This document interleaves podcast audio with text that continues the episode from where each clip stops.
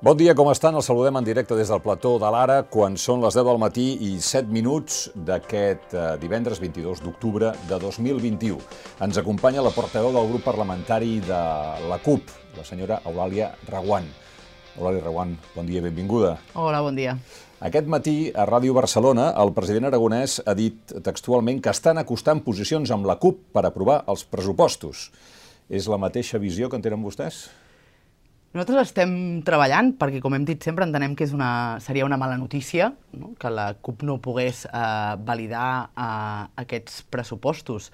Ara bé, mm, a nosaltres a, a, ens falten elements per valorar eh, els pressupostos. Entenem que nosaltres vam fer un acord d'investidura per canviar les coses, no per continuar gestionant eh, l'autonomia o gestionant eh, les engrunes i ara mateix del que coneixem dels pressupostos per nosaltres són excessivament continuistes i no hi s'hi veuen reflectides les quatre revolucions que el president va anar dient en els debats d'investidura. Per tant, no estan acostant posicions? Estem parlant, però de moment nosaltres eh, estem lluny encara. Ja. Quins són els esculls? Els esculls, eh, o sigui, parteixen d'aquesta idea que jo deia ara mateix, de nosaltres vam fer un acord d'investidura per canviar les coses, perquè les coses no continuessin com fins, eh, com fins ara. Ara mateix el que veiem, del que coneixem dels pressupostos és que són continuistes. Coneixem dels pressupostos i de les polítiques que està fent el, el govern entre les quatre revolucions i el que està passant, nosaltres hi veiem un abisme no? Veiem molta diferència. En polítiques de, de salut pública, de com es reforça l'atenció primària i els eh, equips bàsics d'atenció primària, veiem que eh, el personal sanitari els treballadors de, dels centres d'atenció primària segueixen eh, amb problemes i segueixen dient que el Departament de Salut no escolta i no fa allò que els professionals eh, demanen. Un 061 en vaga, amb un contracte en mans de Ferrovial que s'acaba el mes de juny de l'any que ve. Pensen internalitzar el servei del 061, una reivindicació dels treballadors en vaga? No tenim la resposta, li hem preguntat diverses vegades al conseller Argimon i no contesta, però és més, veiem tota una sèrie de projectes o macroprojectes especulatius que el que fan és perpetuar un sistema econòmic i social que hem vist caduc, que en la pandèmia vam veure que no responia a les necessitats del país. Per tant, una aposta clara per la reindustrialització vol dir que hi ha un pressupost clar per això i que no es continua eh, explotant el monocultiu turístic. Aquests són alguns dels elements que nosaltres estem posant eh, sobre la taula i que entenem que són el que marquen la diferència entre continuisme o canvi i transformació. Vostès estan demanant una pujada d'impostos, per exemple? Nosaltres hem posat sobre la taula una pujada d'impostos. El conseller Giró va ser molt taxatiu dient que no. Nosaltres entenem que si el que volem és redistribuir la riquesa, eh, el que cal és eh, abordar eh, els impostos. I més més, no ho diu la CUP, ho diu l'FMI, l'OCDE, plantegen que cal eh, taxar més o, o, o, o posar, pujar els impostos a, a la riquesa. No, no és l'anticapitalisme al Parlament de Catalunya que diu això, ho diu el Fons Monetari Internacional. A la riquesa o a les classes mitjanes? A la riquesa. Nosaltres parlem de l'impost de patrimoni... On comença la riquesa? Uh, en termes de renda anual. En termes de renda anual, quan uh, mirant les xifres de l'agència tributària, un 4%, entre un 5 i un 4% declara ingressos superiors a 60.000 euros, estem parlant d'això, és a dir, el 95% de la població declara ingressos inferiors a 60.000 euros anuals.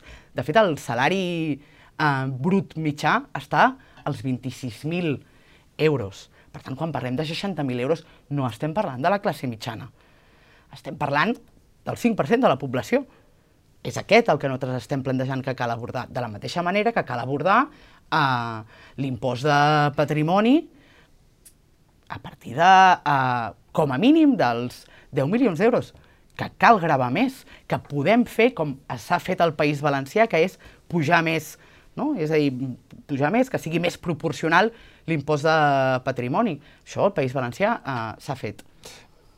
Creuen que continua havent-hi marge per continuar parlant i mm, creu que arribaran a un acord i aprovaran els pressupostos? Nosaltres eh, estarem fins al final intentant-ho.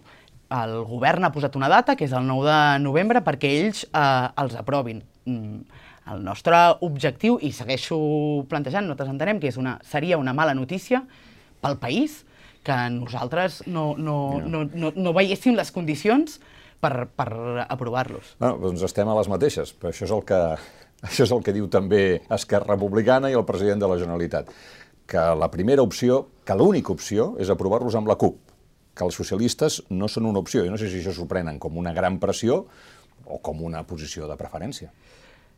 El govern ha dit sempre que el soci preferent és la CUP. Després, quan mirem uh, què passa al Parlament en les votacions, veiem que tenen tendència a que el soci preferent sigui el Partit Socialista. El, la imatge final, la foto final del debat de política general és que el soci preferent és el Partit Socialista i és amb qui uh, acorden més coses o aproven més coses. Uh, Esquerra Republicana aprovant una proposta de resolució sobre la taula de diàleg amb el PSC i els comuns, i Junts per Catalunya aprovant i pactant una resolució sobre l'aeroport del Prat amb el PSC. Aquí han de decidir no, si el soci prioritari és el PSC o és la CUP. Mm.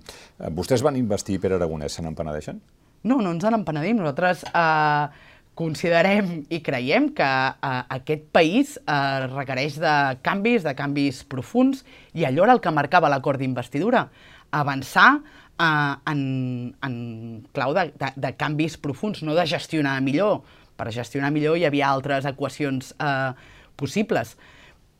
No ens n'arrepentim. Eh, ara bé, esperem Uh, I encara estem esperant que hi hagi alguns d'aquests canvis que es vegin reflectits ja no només en els pressupostos, sinó en les polítiques i en les decisions que pren el govern. No ha parlat de policies, no ha parlat de Mossos, que és un tema recurrent a la política catalana, i amb vostès, entre altres coses, perquè eh, vostès en l'acord d'investidura van parlar de revisar el model eh, d'ordre públic, eh, amb l'objectiu d'acabar amb les actuacions, diguéssim, controvertides dels antiavalots dels Mossos d'Esquadra, i ara han anunciat al, al Parlament la creació d'una comissió per estudiar un mecanisme de control extern i independent de les actuacions policials.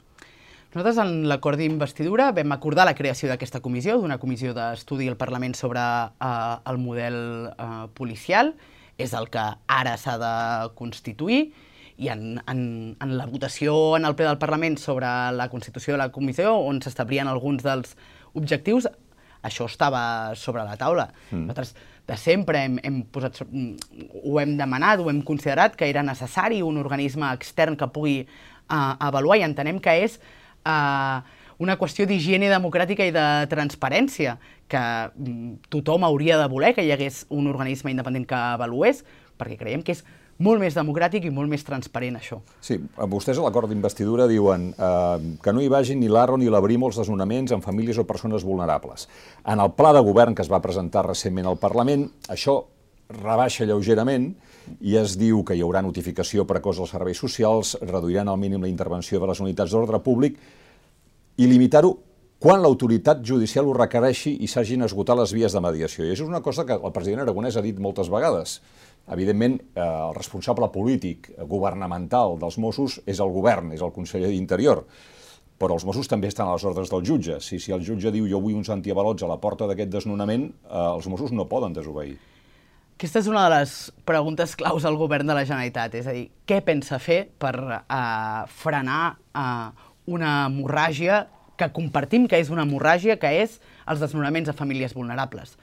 Aquesta setmana hem vist com uh, un cop més el TCJ pren una decisió absolutament uh, delirant, que és uh, negar o dir que no cal modificar el protocol de desnonaments, un protocol que el govern havia estat uh, treballant per uh, garantir això o posar uh, mesures que frenessin uh, aquests desnonaments i veiem com el TCJ pren aquesta decisió. Nosaltres li preguntem al govern, ara què pensa fer? D'això anava l'acord d'investidura. L'acord d'investidura anava de uh, garantir drets, de posar-se al costat de la gent, d'alinear-se uh, amb el moviment per l'habitatge, que ara mateix és qui para més desnonaments. És el moviment, és la gent organitzada i no és el govern qui garanteix que les famílies vulnerables no són desnonades. I aquest és un dels eixos uh, claus per nosaltres. Garantir el dret a l'habitatge a la població a Catalunya. Però quan el president diu eh, hi ha un moment que jo eh, haig d'obeir el que diuen els jutges, el govern ha d'obeir el que diu la justícia, eh, realment pot fer alguna cosa més el govern? Clar, és a dir, ha de desobeir? el que ha de fer el govern és posar-se al costat de, de la gent. No entrem en si ha de desobeir o no. Ha de bueno, és, que és, és que és la pregunta. No, ha de posar els mecanismes perquè la gent pugui tenir garantit uh, drets uh, bàsics, és a dir... Ja, però això sí, és al final. Sí. Quan ja s'ha no. donat l'ordre de llançament, aleshores... Aleshores, el govern ha de trobar vies i ha de buscar vies. La pregunta és, les està buscant les vies per garantir això? Aquesta és la pregunta que nosaltres fem perquè hi ha una via que és uh, la de la punta de l'iceberg, que són els desnonaments, però hi ha elements previs que tenen a veure amb uh, com es legisla en favor de, del dret a l'habitatge. Hi ha una llei de l'habitatge del 2007 que cap govern ha desplegat i que és molt més garantista que altres coses que hem anat fent fins ara, que obre portes a dotar el parc públic d'habitatge en condicions, perquè som conscients ara mateix que en aquest país eh, el parc públic d'habitatge és d'un 2%. Comparat amb molts dels països en, qui, en, en què el govern es vol assimilar, estem a les antípodes.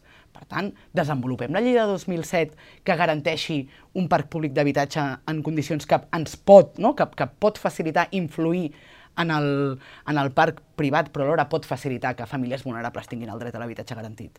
Demà hi ha una manifestació dels sindicats dels Mossos d'Esquadra i les policies locals per reivindicar respecte i dignitat. Què en pensen?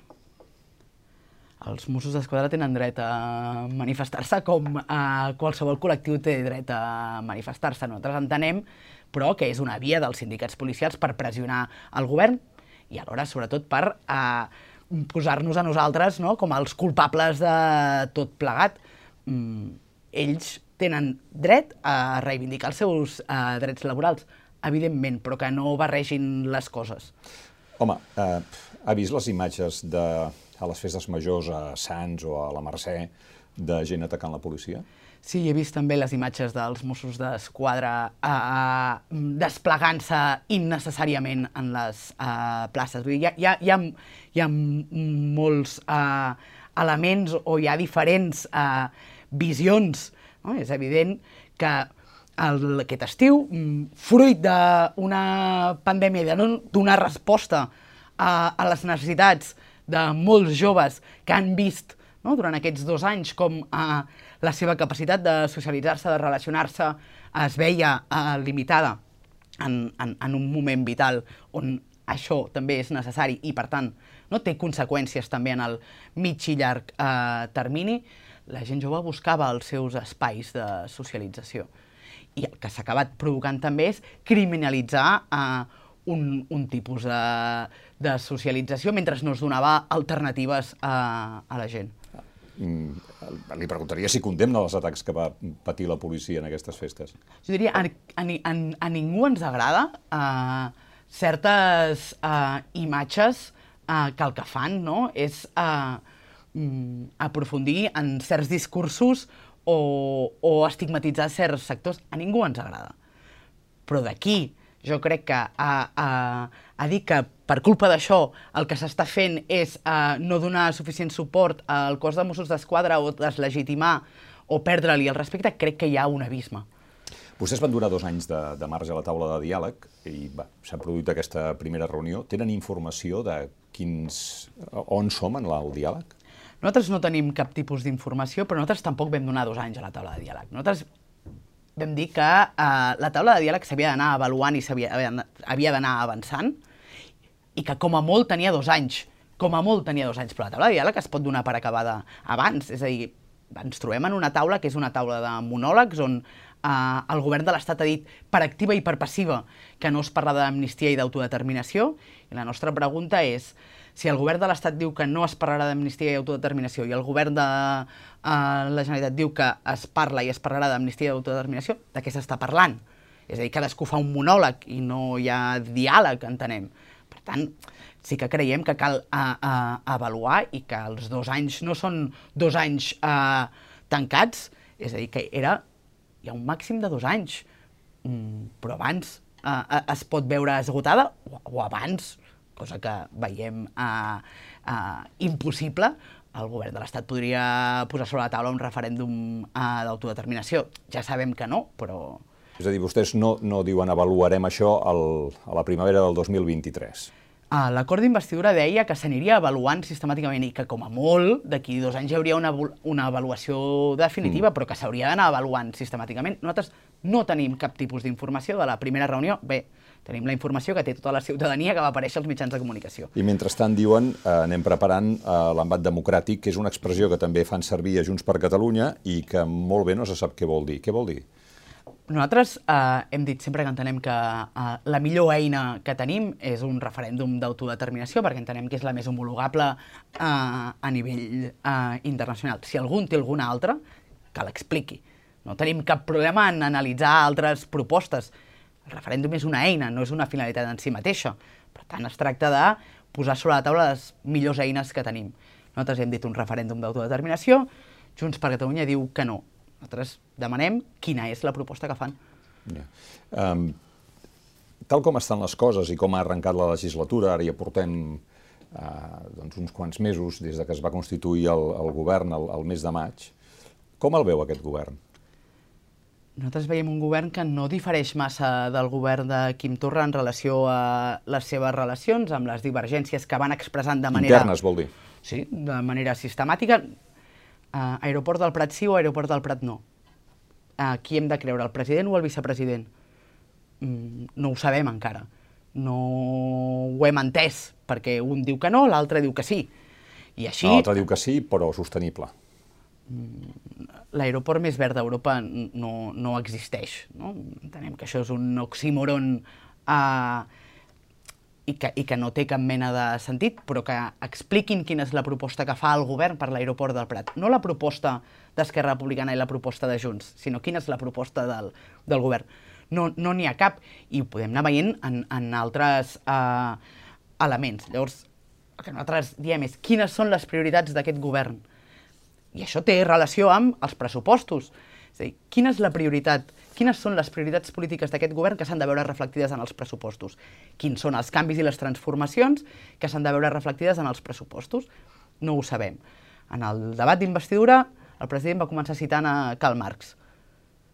Mm, després, eh, la seva primera acció va ser anar a fer-se una foto amb Foment del Treball.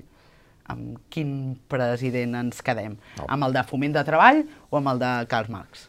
Mm. Per això nosaltres li vam dir en el debat de política general torni al principi on nosaltres ens sentim còmodes i entenem que fem un servei al país i a la gent d'aquest país és a l'acord d'investidura, no en el desenvolupament posterior de les polítiques del govern. El que en diríem línies vermelles per vostès són l'aeroport del Prat i els Jocs Olímpics del 2030?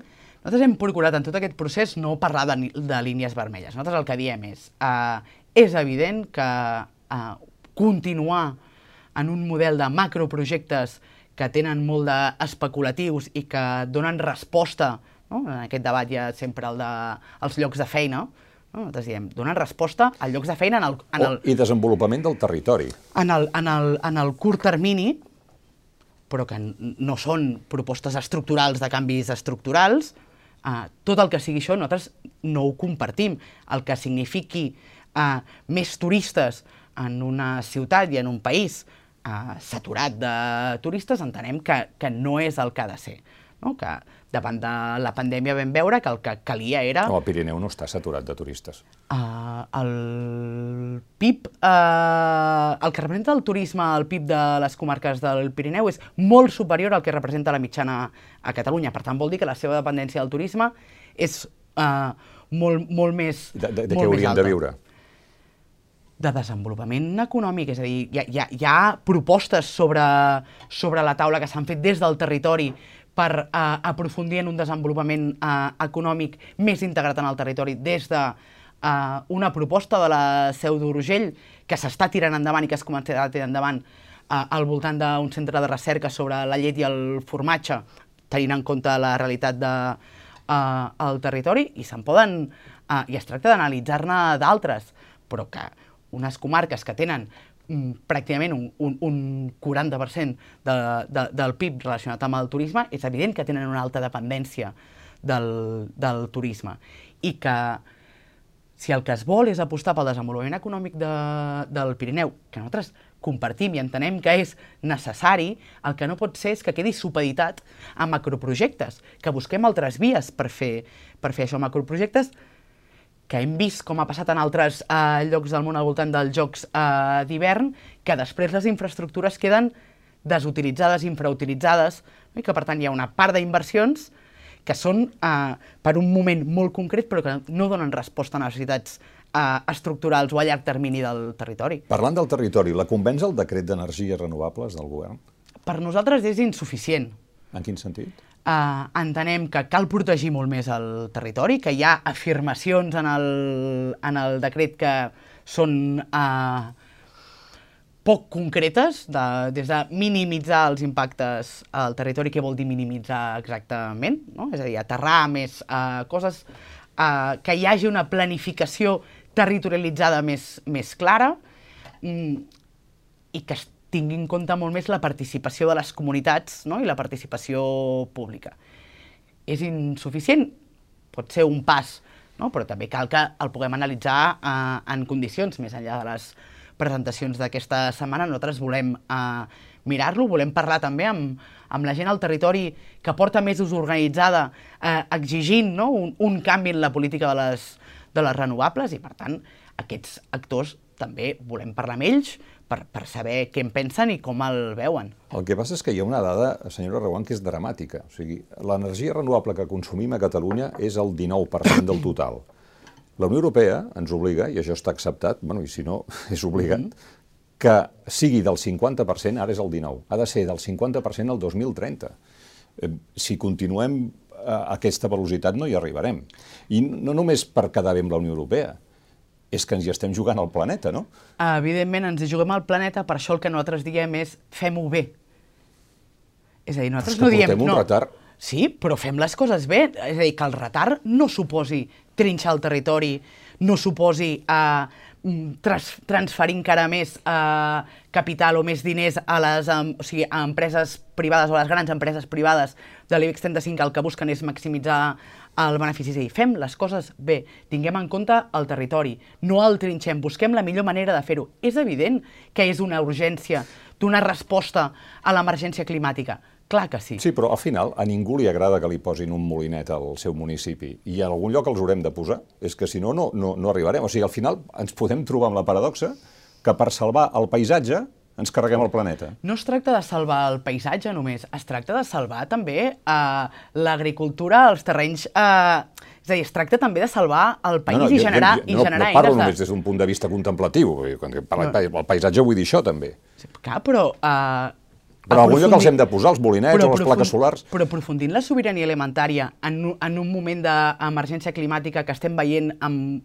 en els propers mesos d'una crisi de subministraments a nivell mundial que viurem, també és indispensable per sobreviure com a, com a país mm, i com a planeta. Per tant, s'ha de tenir en compte tots aquests elements. No és només eh, el, el posem, no? i el que nosaltres eh, diem, no es tracta de, de dir, no, és que o, o de donar suport d'aquells que diuen no, és que no vull el, el molinet al costat de casa meva. No és això. El que diem és fem-ho de manera equilibrada en el territori, planificada, que tinguem en compte tots els elements que... Això és el que, que diu el govern.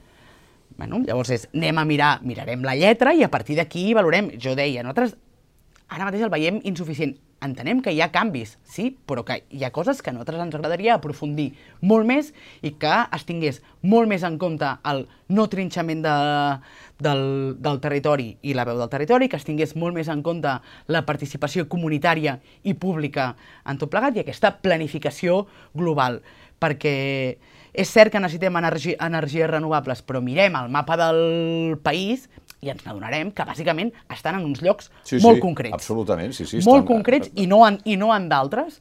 Preguntem-nos per què, és a dir, hi ha uh, el que és el Camp de Tarragona, que s'ha convertit en l'abocador doncs, Si els que fins ara han dit que no el volen continuen dient que no el volen, continuarem tenint-los en els mateixos llocs. El que... El, el... Bueno, clar, però és que el problema és... Posem-los a altres llocs, planifiquem territorialment això, és el que estem plantejant nosaltres, és el que, és el que hem plantejat des del primer moment. No hem dit no a les energies renovables. Hem dit així no, volem energies renovables, però així entenem que no es respon a totes les necessitats que van implícites en el canvi eh, energètic i de model que és necessari per fer front a l'emergència climàtica en aquest país. Parlant de la, del, del problema del subministrament i sobretot de l'alça dels preus de l'energia, ha vist que França pagarà un xec de 100 euros a tots els francesos que cobrin menys de 2.000 euros nets, que és el salari mitjà a França, per compensar l'alça dels preus? Sí, ho he vist, però segueix sent una via en la que qui surt guanyant són les empreses energètiques.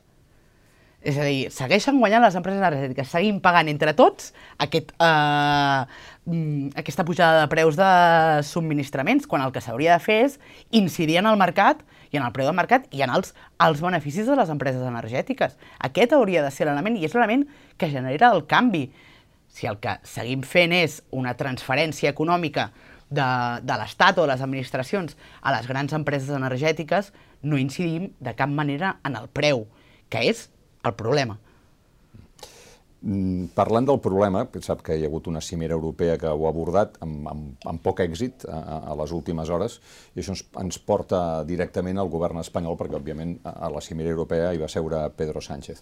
A les últimes hores hem eh, sabut que el PSOE i el PP han pactat la renovació de la majoria de càrrecs que fa anys que estaven eh, amb, el, amb el termini eh, absolutament acabat, excepte el, el Consell General del Poder Judicial. Però en el Tribunal Constitucional hi han posat el PSOE, per exemple, el magistrat que va absoldre Trapero a l'Audiència Nacional, el major Trapero, però el Partit Popular hi posa eh, una, una persona, una, una magistrada, que va ser apartada del cas Gürtel justament perquè era pròxim al Partit Popular, Concepción Espejel. No sé què, què en pensa que, com sempre, eh, el que mm, fa l'Estat, en el fons, és repartir cadires eh, en, en, els, en, en els alts òrgans eh, judicials i, per tant, acaba sent eh, uns òrgans que són partidistes, però ja no només partidistes, sinó eh, absolutament polititzats que donen resposta a una realitat. És a dir, mentre no existeixi una depuració real del sistema judicial a l'Estat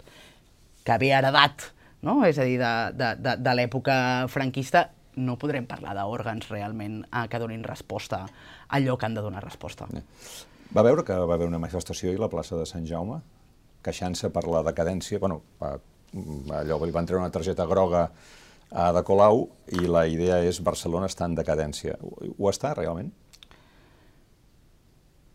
Jo no sé si Barcelona està en, en decadència o jo no sé si, si realment les persones que ahir eh, es manifestaven era una manifestació eh, neutra, ciutadana, que respongués a la voluntat real d'incidir eh, o, o de fer una visa de Colau, sinó que era més una qüestió eh, partidista.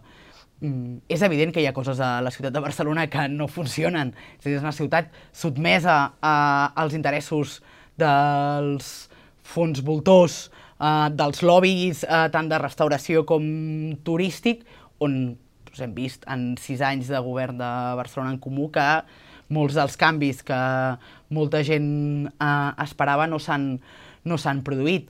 Per tant, jo diria, és una ciutat que no respon als interessos de les veïnes.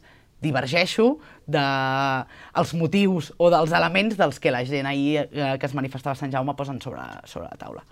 Hem repassat, hem procurat repassar l'actualitat amb la portaveu del grup parlamentari de la CUP, Eulàlia Reguant, en un moment en el que eh, se'ns acosta el, el final del termini, no, el deadline de la negociació dels pressupostos, en què el president de la Generalitat diu que estan acostant posicions i Eulàlia Reguant diu que continuen parlant, que és molt neutre, això.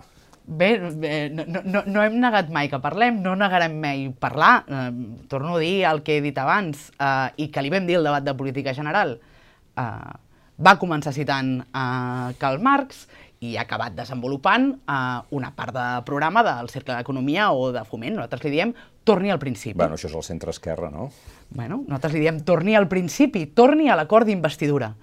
Allà és on ens trobarem i és on entenem que, que donem resposta a les necessitats de, del país en un moment de crisi social i econòmica, fruit de la pandèmia, però fruit també de no haver-nos recuperat del tot de la crisi de, del, del 2008 i que, per tant, aquell punt era el punt d'inici que eh, servia per avançar en tot això. Eulàlia Reguant, moltes gràcies per haver vingut. Moltes gràcies. Moltes gràcies també a vostès. Aquí ens trobaran, a l'Ara, sempre que vulguin. Fins una pròxima ocasió.